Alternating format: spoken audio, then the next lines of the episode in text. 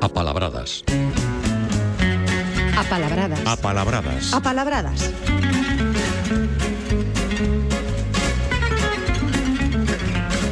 E a ver que a palabramos hoxe. Paulino Novo, moi bons días. Que tal, bons días. Son as eh, derradeiras palabras de tamén de, deste mes de novembro, ia decir as últimas de novembro e as derradeiras. En todo tamén, caso, son as... non son as derradeiras do ano. Non, as deste mes. Seguiremos falando en próximas semanas. Hoxe vas comezar comentando dúas palabras que non usamos na vida diaria habitualmente. Prácticamente só se usan nos xulgados e na administración. Falamos de conculcar e incoar. Teñen usos eh, eh falantes concretos, pero hai que coñecelas. Sí, a todos soan, pero teñen un uso totalmente restringido, como diste, a terminoloxía xurídica ou a administrativa eh, imos lle dar unha voltiña incluso con Culcar vai nos dar algo de pé para falar algo máis incoar é facer o, tra, eh, o primeiro trámite ou iniciar un procedimento que pode ser xurídico ou administrativo non? e vendo a palabra directamente estas, estas palabras que se usan por xente culta e pouco, sufren desgaste, su, non sufren desgaste aínda que leven moito tempo na lingua. Entón consérvase prácticamente todas como cultismos, como eran no latín.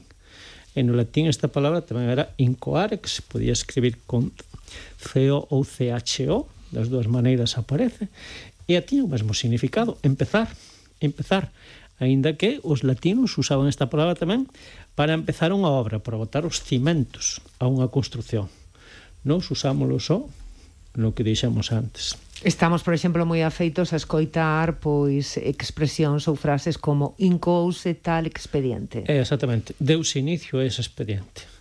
E conculcar, pois, é actuar en contra ou non cumprir unha norma, unha lei, ou unha, ou unha obriga, pero témolo tamén restringido a ese uso xurídico e administrativo.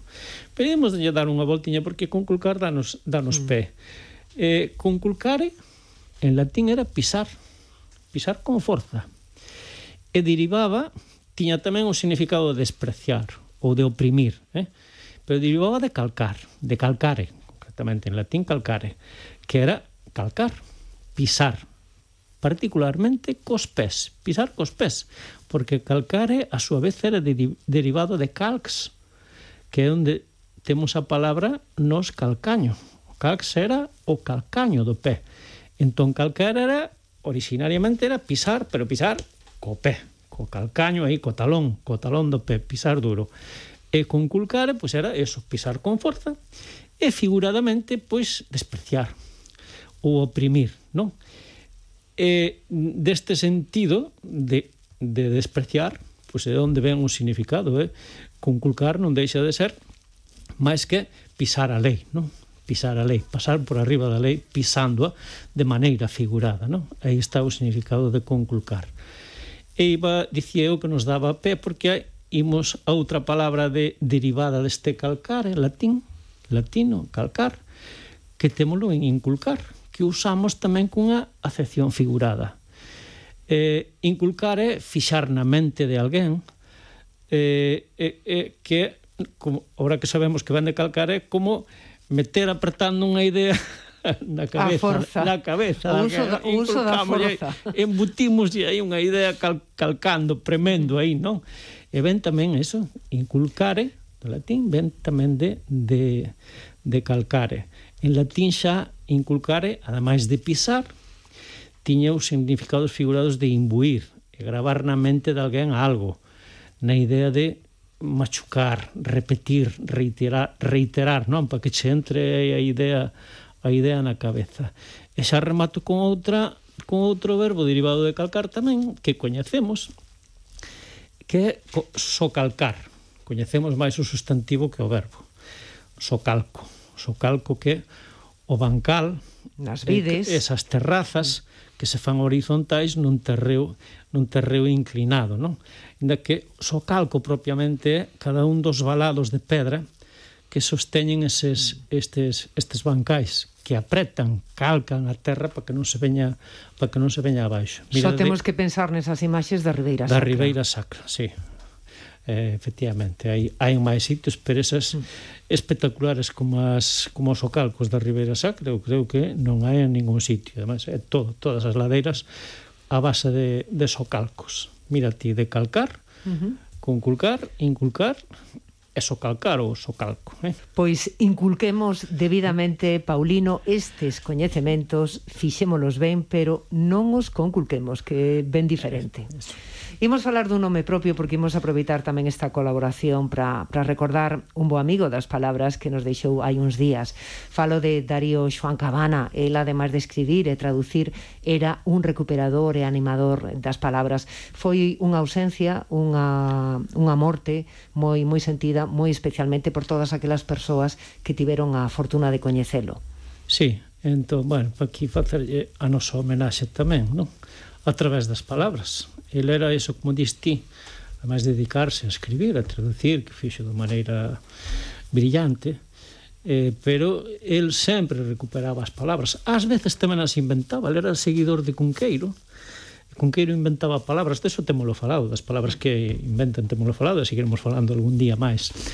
El tamén inventaba algunha, puta pénico, por exemplo, era unha palabra que, que inventara. Re, repite que, que non me enterei moi ben. Puta ¿no? pénico, non fai falta dicir que significa, pero era, era, era, era, de, era de Darío. Eh, escribías eh, o segundo nome como Xoán, con H intercalado. Está ben así, debería ser así? Eh, podería ser así, xa non é, xa non é. Pero efectivamente é un nome propio que ven do hebreo e no hebreo tiña este H. Pasou ao grego, pasou ao latín. No latín, eh, Johannes, con dous Ns, podías escribir con I latino inicial ou con J. E podía levar o Johannes, podía levar H ou non H, eh? xa en latín. Na lingua medieval abundou a grafía con con H e Darío era un estudioso e un amante do, do, da literatura e do mundo medieval, como demostrou no seu libro Galván Ansaor. Sabes que Saor é anagrama de Roas, de onde era, de onde era natural el. E, e como bo coñecedor e amante da, da literatura do mundo medieval, pois el escribía con escribiu con ese con ese H intervocálico era, bueno, un, un xesto, unha chiscadela a, a, a, lingua, a lingua medieval, non? E, curiosamente, eh, ese nome, ese segundo nome, Xoán, levo tamén a maneira redundante no segundo apelido, porque era Darío Xoán Cabana Yáñez.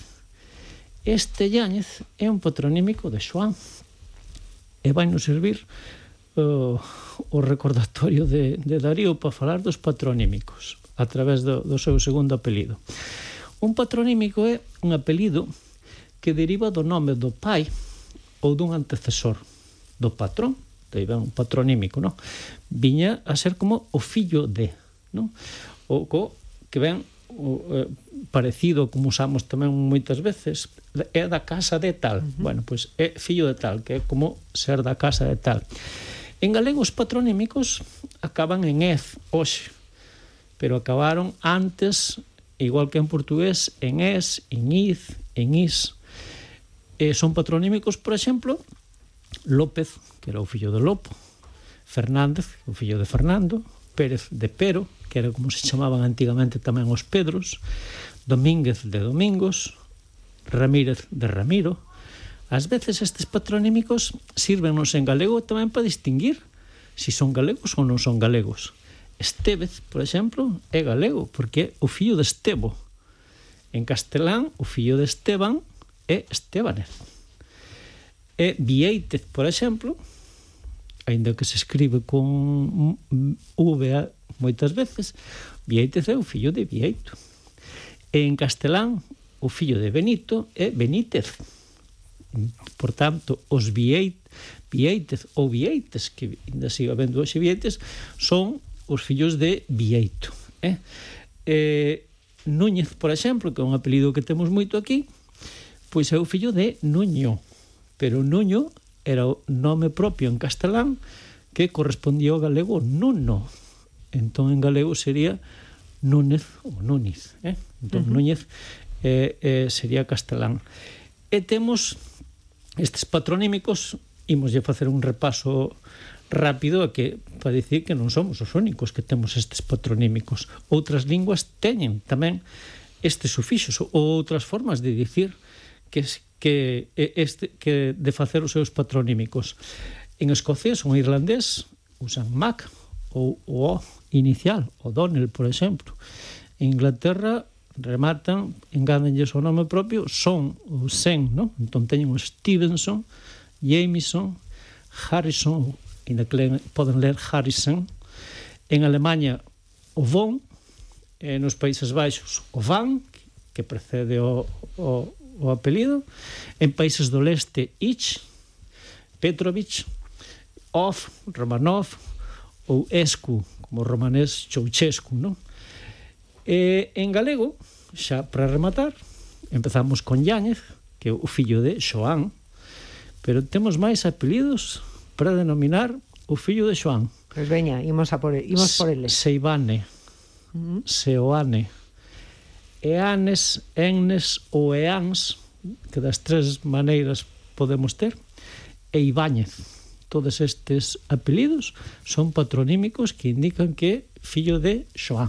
Pois sirva, Paulino, esta explicación para lembrar, como non, a Darío Xoan Cabana eh, como fixemos hoxe nesta colaboración, sobre todo pois a través das palabras que acabas de comentar. Ti tes patronímico? Eh... Non, eu non, pero ti si. Eu entendo que si, sí, non? Ti os dous, ti os dous. Eres filla, eres filla de, de, Ferna, de Fernando e de Rodrigo. Carai, iso, iso hai que estudalo.